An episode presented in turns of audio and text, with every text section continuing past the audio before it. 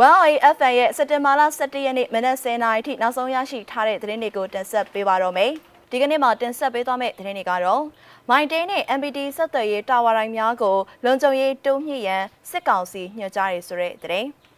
။ကမ္ဘာလုံးဆိုင်ရာမြမနွေဦးတော်လန်ရေးရဲ့တန်တမန်တိုက်ပွဲအဖြစ်အစ္စရေးနိုင်ငံမှာဆန္ဒထုတ်ဖော်ရဲဆိုတဲ့သတင်း။မဟာအောင်မြေမှာစစ်တပ်ကိုလူငယ်၃ဦးကဖမ်းသွားရဲဆိုတဲ့သတင်း။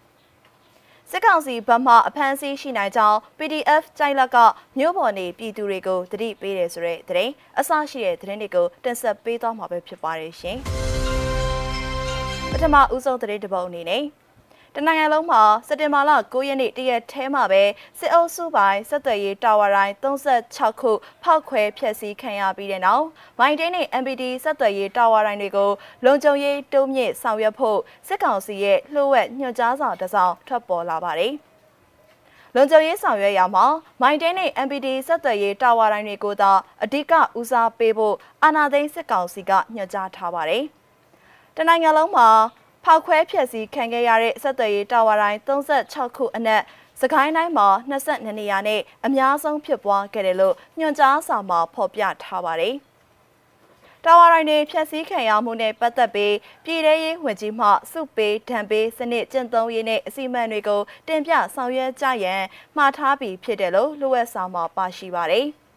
ရဲစခန်းတွေနဲ့ခဏမိုင်အတွင်းရှိနေတဲ့စက်သွယ်ရေးတာဝါတိုင်းတွေဖျက်ဆီးမခံရရေးကြက်မှတ်ဆောင်ရွက်ဖို့သက်ဆိုင်ရာစခန်းမှုများကိုညွှန်ကြားထားခြင်းဖြစ်ပြီးခဏမိုင်ထက်ဝေးတဲ့တာဝါတိုင်းတွေဖြစ်ပါကတက်နဲ့ပူးပေါင်းဆောင်ရွက်ဖို့ညွှန်ကြားထားပါတယ်။ဆက်လက်ပြီးတော့ အစ္စရေးနိုင်ငံကိုရောက်နေတဲ့မြန်မာနိုင်ငံသားတွေနဲ့မြန်မာအရေးစိတ်ပါဝင်စားတဲ့အစ္စရေးနိုင်ငံသားစုစုပေါင်း90လောက်ကကမ္ဘာလုံးဆိုင်ရာမြန်မာຫນွေဦးတော်လန်ရေးရဲ့တရမန်တိုက်ပွဲအနေနဲ့ဆန္ဒထုတ်ဖော်ပွဲတစ်ခုပြုလုပ်ခဲ့ကြပါတယ်။အဲဒီဆန္ဒထုတ်ဖော်ပွဲကိုတောက်အဗီမြို့မှာရှိတဲ့ကုလသမဂ္ဂရုံးမျက်နှာစာရှေ့မှာဒေသစံတော်ချိန်မနက်10:00နာရီလောက်ကစတင်ကျင်းပခဲ့ပါတယ်။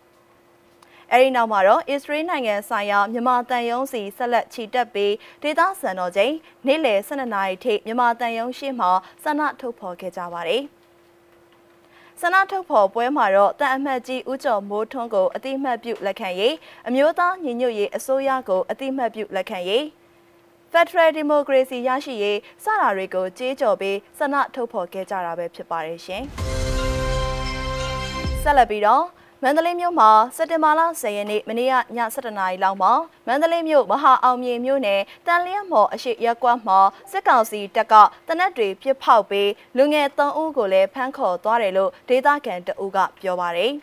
။ပေါ်တာဆွဲတာလို့လည်းပြောတယ်။ကလေးတွေကဘာအပြစ်မှလုံမထားဘူးလို့ဒေသခံတအုပ်ကဆိုပါတယ်။ တန်လျက်မော်အရှိရက်ကွက်ကံပတ်လန်က CEA ကိုပိုင်အထက်တန်းကျောင်းသားမှာတနက်အချက်ပေါင်းများစွာပြစ်ဖောက်ပြီးရက်ကွက်ထဲကဆယ်ကျော်သက်လူငယ်၃ဦးကိုအတင်းအာရမဖမ်းခေါ်သွားတာပါ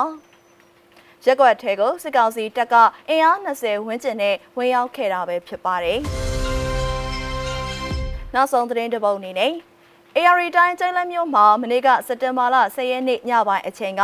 အကြမ်းဖက်စစ်ကောင်စီတပ်တွေဘက်ကအဖမ်းဆီးရှိနိုင်ကြောင်းကိုမြို့ပေါ်နေပြည်သူတွေနဲ့စီးပွားရေးလုပ်ငန်းရှင်တွေကို PDF ကြိုက်လက်ကသတိပေးထုတ်ပြန်ထားပါတယ်။ PDF ကြိုက်လက်ရဲ့သတိပေးထုတ်ပြန်ချက်ထဲမှာအကြောင်းမရှိအကြောင်းရှာ PDF အမည်ခံပြီးပေါ်တာဆွဲနိုင်ပါတယ်။စီးပွားရေးလုပ်ငန်းရှင်များလည်းသတိထားကြပါ။ဖမ်းကျင်သလိုဖမ်းပြီးငွေနဲ့ပြန်လဲခိုင်းတဲ့အကွက်တွေနင်းနေကြပါတယ်လို့ပါရှိပါတယ်။ PDF ကြိုက်လိုက်ရဲ့တာဝန်ရှိသူတို့ပြောပြတာကဒီညထုတ်ပြန်ရတဲ့စာကတော့သူတို့ရဲ့အတွင်းသတင်းပေါက်ပြီးကျွန်တော်တို့စီရောက်ရှိလာတဲ့ကြေးရွာတွေမှာတရွာကိုလူ30စုဖို့သူတို့ရည်ရွယ်နေတဲ့ဆိုပြီးသတင်းပေါက်ကြားလာတယ်အဲ့အတွက်လူမရတဲ့အခါလူငယ်တွေကို PDF ပါဆိုပြီးဝင်ဆွဲနိုင်တယ်လို့သတင်းတွေရရှိနေတဲ့အတွက်အပြစ်မဲ့ပြည်သူတွေသတိနဲ့နေထိုင်ကြဖို့ထုတ်ပြန်လိုက်တာပါလို့သူကသတိပေးထားပါတယ်